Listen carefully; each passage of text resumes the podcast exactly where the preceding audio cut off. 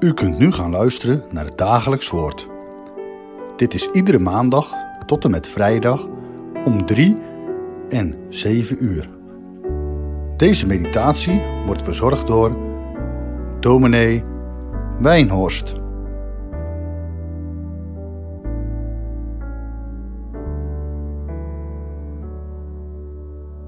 Broeders en zusters, we zijn inmiddels bij Efeze 2, vers 4 en volgende aangekomen.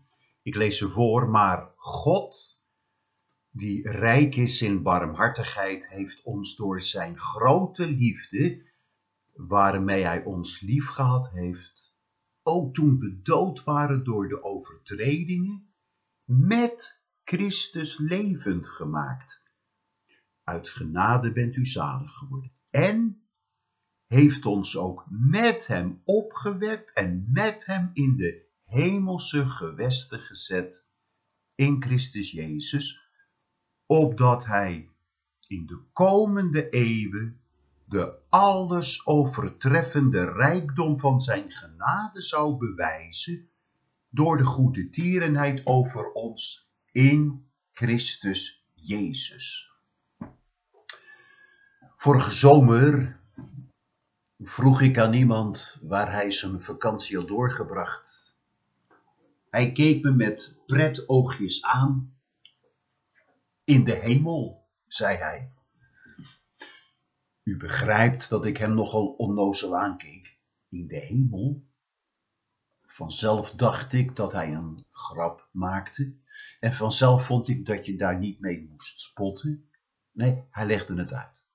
Ze waren naar een Zuid-Afrikaanse badplaats geweest aan de kust van de Indische Oceaan. Daar staat blijkbaar een grote flat met vakantieappartementen. En die flat draagt de naam In de Hemel. Die man had dus volkomen naar waarheid geantwoord op mijn vraag. Ik heb deze keer mijn vakantie in de hemel doorgebracht. U begrijpt, in die zin moet u de woorden van Paulus die we net lazen niet opvatten. Hij schrijft dat we dankzij Jezus nu al in de hemel zijn. En misschien vindt u dat vreemd klinken. U zegt, ja, ik ben bereid veel te geloven, maar dat is te gek. Vandaag al in de hemel, kom nou.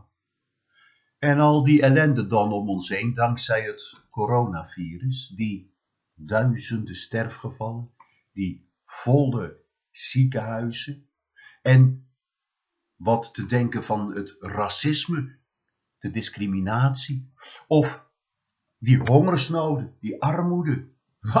een fraaie hemel waarin we nu leven. Als iemand dat als hemel wil verkopen, moet er iets mis zijn met zijn gezonde verstand. En toch schrijft Paulus in vers 6, wij zijn dankzij Jezus nu al in de hemel. Hoe komt Paulus ertoe om dat te schrijven? Nou, dan moet u denken aan de hemelvaartsdag. Wat is het bijzondere van die christelijke feestdag? Toen is onze heiland teruggekeerd naar zijn vader. Jezus is verhuisd van deze aarde naar de hemel, maar niet alleen Jezus, ook alle die bij Jezus horen.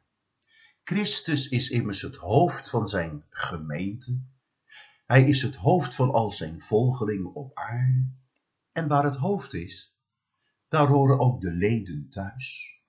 Zoals Jezus dat gezegd heeft, Vader, ik wil dat waar ik ben ook zij zijn die bij mij horen. Het is net als bij de burgerlijke stand, waar het hoofd van het gezin verblijft, daar staan ook de gezinsleden ingeschreven.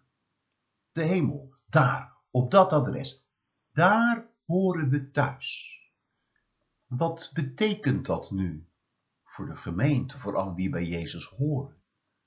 Nou, dat betekent, zeg maar, de nodige verplichtingen. Adeldom verplicht. Ik denk aan die kroonprins die zijn afkomst vergat. Hij was met een aantal vrienden op stap gegaan. Hij zette de bloemetjes flink buiten. En terwijl hij erop losleefde, bereikte hem ineens het bericht dat zijn vader plotseling was overleden. Hij moest onmiddellijk naar huis komen om hem op te volgen. Met een schok kwam hij tot zichzelf. Hij had zo niet mogen leven. Hij was de kroonprins. Adeldom verplicht. Kijk, dat geldt ook voor de gemeente, voor allen die bij Jezus horen. De wetten van de hemel, de regels van koning Jezus stempelen hun leven op zondag en door de weeks, thuis en onderweg. Je inspanning en je ontspanning, nee, dat is niet altijd gemakkelijk. En daardoor val je ook regelmatig uit de toon, daardoor moet je ook vaak tegen de stroom oproeien. Je zou het zo kunnen zeggen, we hebben een dubbele nationaliteit, de hemel. Dat is ten diepste ons vaderland.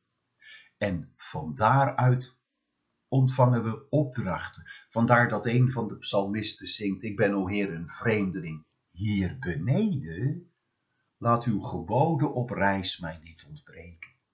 Gods geboden, de wetten van de hemel. Waar moet je dan aan denken? Nou, in Efeze 4 geeft Paulus een aantal, aantal concrete voorbeelden. Leg de leugen af, spreek de waarheid.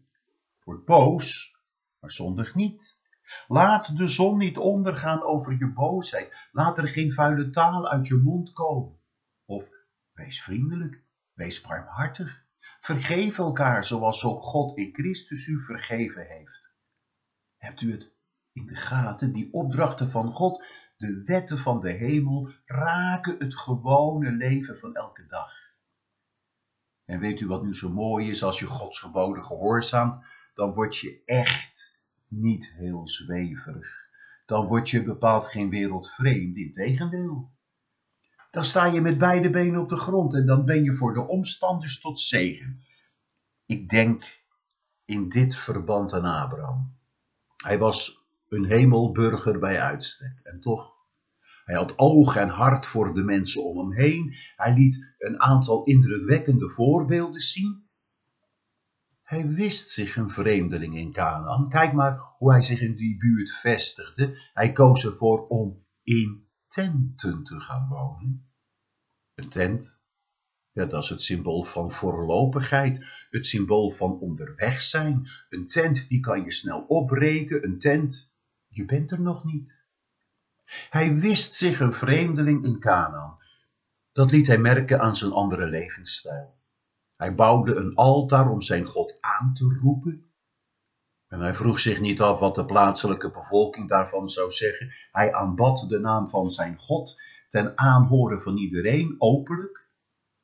Hij wist zich een vreemdeling in Canaan. Dat bleek ook uit het graf wat hij daar kocht. Hij cremeerde zijn doden niet zoals iedereen.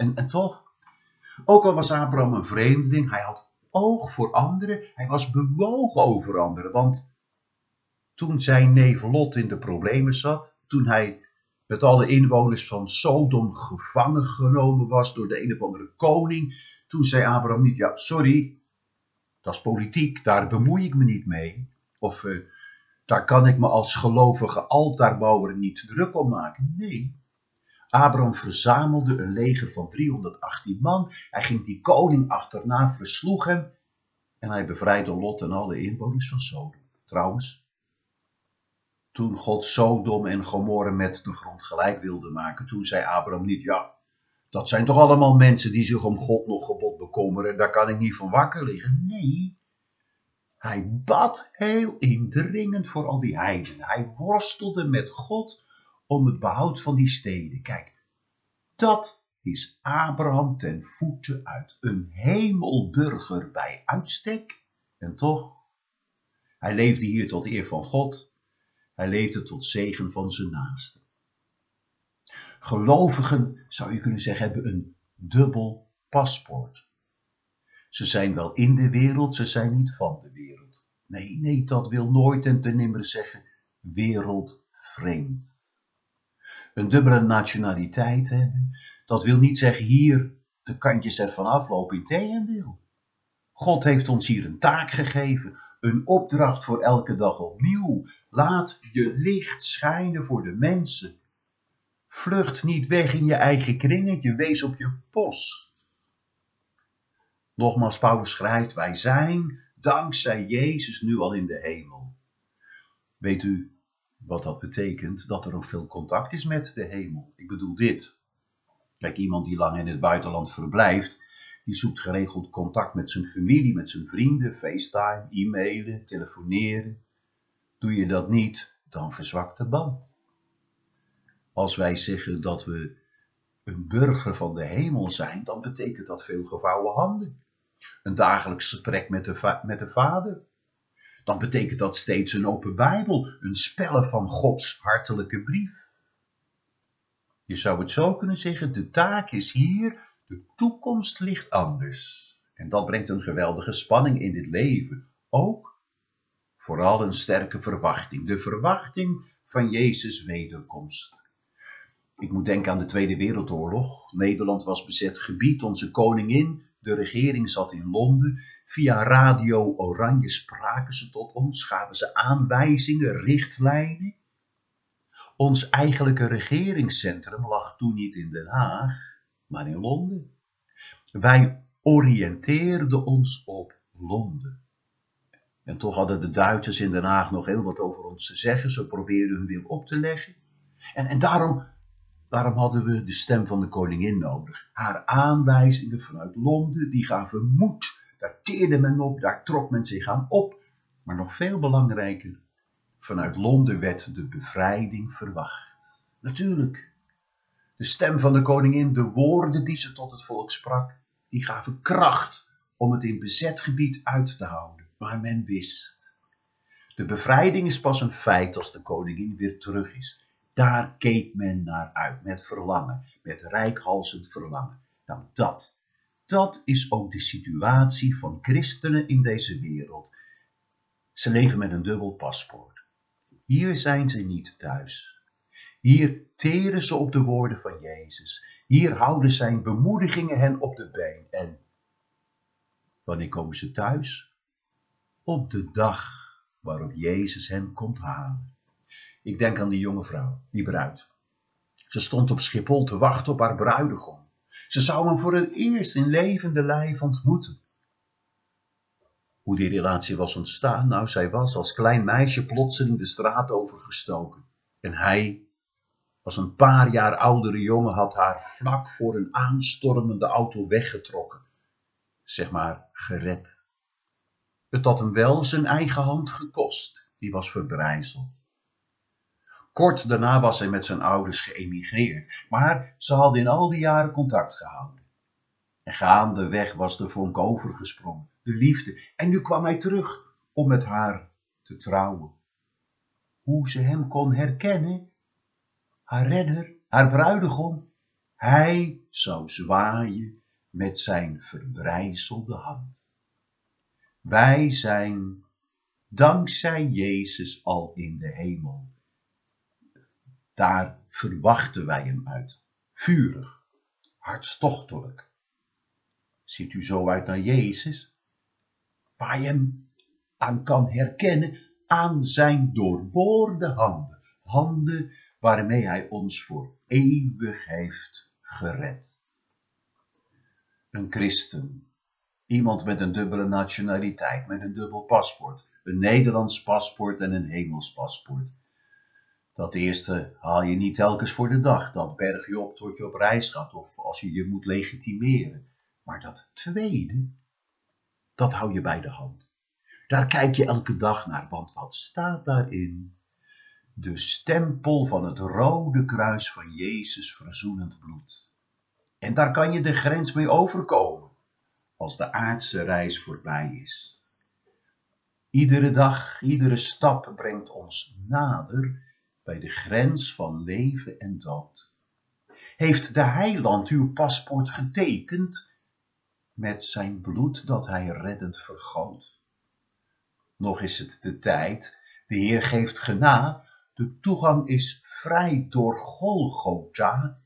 Jezus ging voor, hij wacht aan de grens. Is uw paspoort getekend, o mens? Kijk, dan kan je zeggen thuis eindelijk thuis. Wat een dag, oh wat een dag zal dat zijn. Amen. Zullen we samen bidden?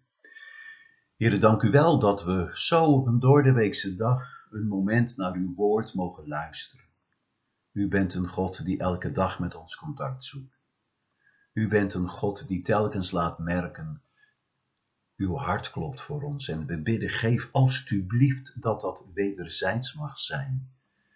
Dat wij onze eerste liefde niet verlaten, maar dat ons hart nog steeds in vuur en vlam staat voor u.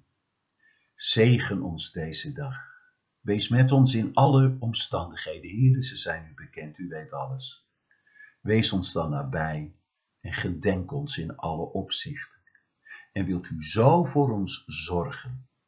Wees steun en toeverlaat vandaag en de tijd die voor ons ligt. Gedenk ons, Heren, naar uw grote barmhartigheid, om Christus wil. Amen.